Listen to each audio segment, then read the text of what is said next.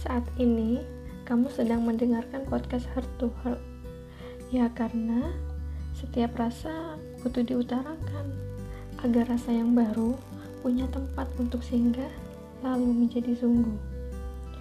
Dan aku ucapkan terima kasih sudah mau meluangkan waktu untuk mau mendengarkan ini.